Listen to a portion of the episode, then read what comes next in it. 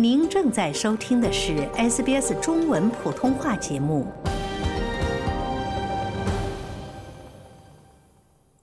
非营利智库澳大利亚偏远地区研究所在一次全国住房峰会上报告称，自疫情爆发以来，房屋价值大幅上涨，已经导致一些人在人生当中第一次露宿街头。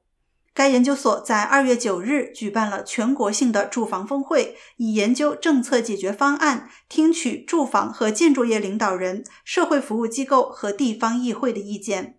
悉尼市议员、澳大利亚偏远地区研究所主席琳达·斯科特在本次峰会上表示，澳大利亚各地区市政都报告称，露宿者数量明显增加了，濒临露宿的家庭数量也在增加。他说。偏远地区以前并不是露宿者问题的重灾区，但情况发生了很大的改变。我们需要为社区居民提供住房。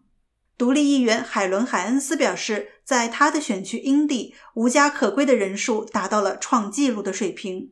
他说：“一直在找房子却找不到的人，最后可能住进了房车公园；而住进房车公园的人，最后可能住在帐篷里。”本次全国偏远地区住房峰会将住房短缺描述为制约澳大利亚偏远地区经济增长的因素之一。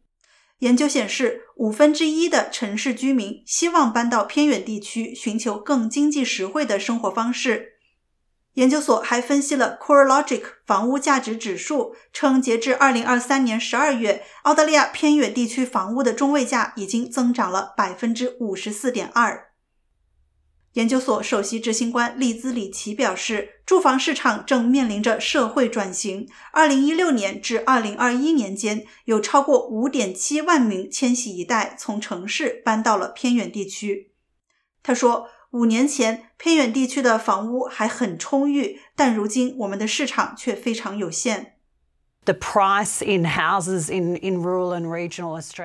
在过去的三年当中，澳大利亚农村和偏远地区的房屋价格一直都是天文数字。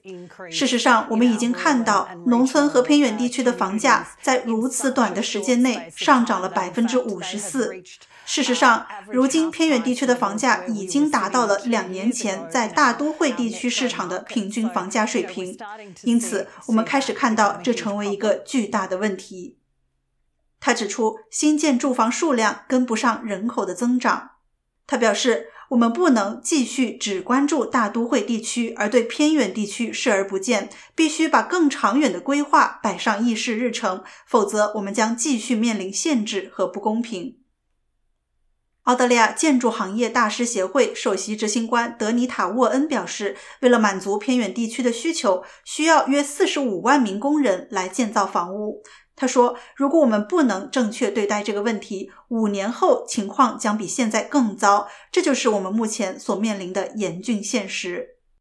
沃恩表示，解决方案已经很好理解，但现在就应该开始规划，为大规模住房建设提供资源。他说：“我们必须承担责任，这不仅仅是政治决定，社区必须团结协作，共同努力。”澳大利亚房地产协会首席执行官安娜·尼拉加马表示：“租房物业的竞争非常激烈，每一个出租物业平均约有八十名申请人。”他说：“这确实很难处理，供应量根本不够。”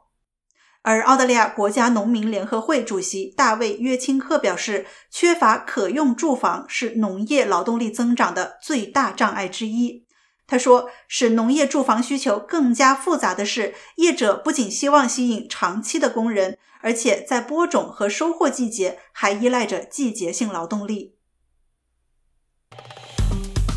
喜欢、分享、评论。欢迎您在 Facebook 上关注 SBS 普通话页面。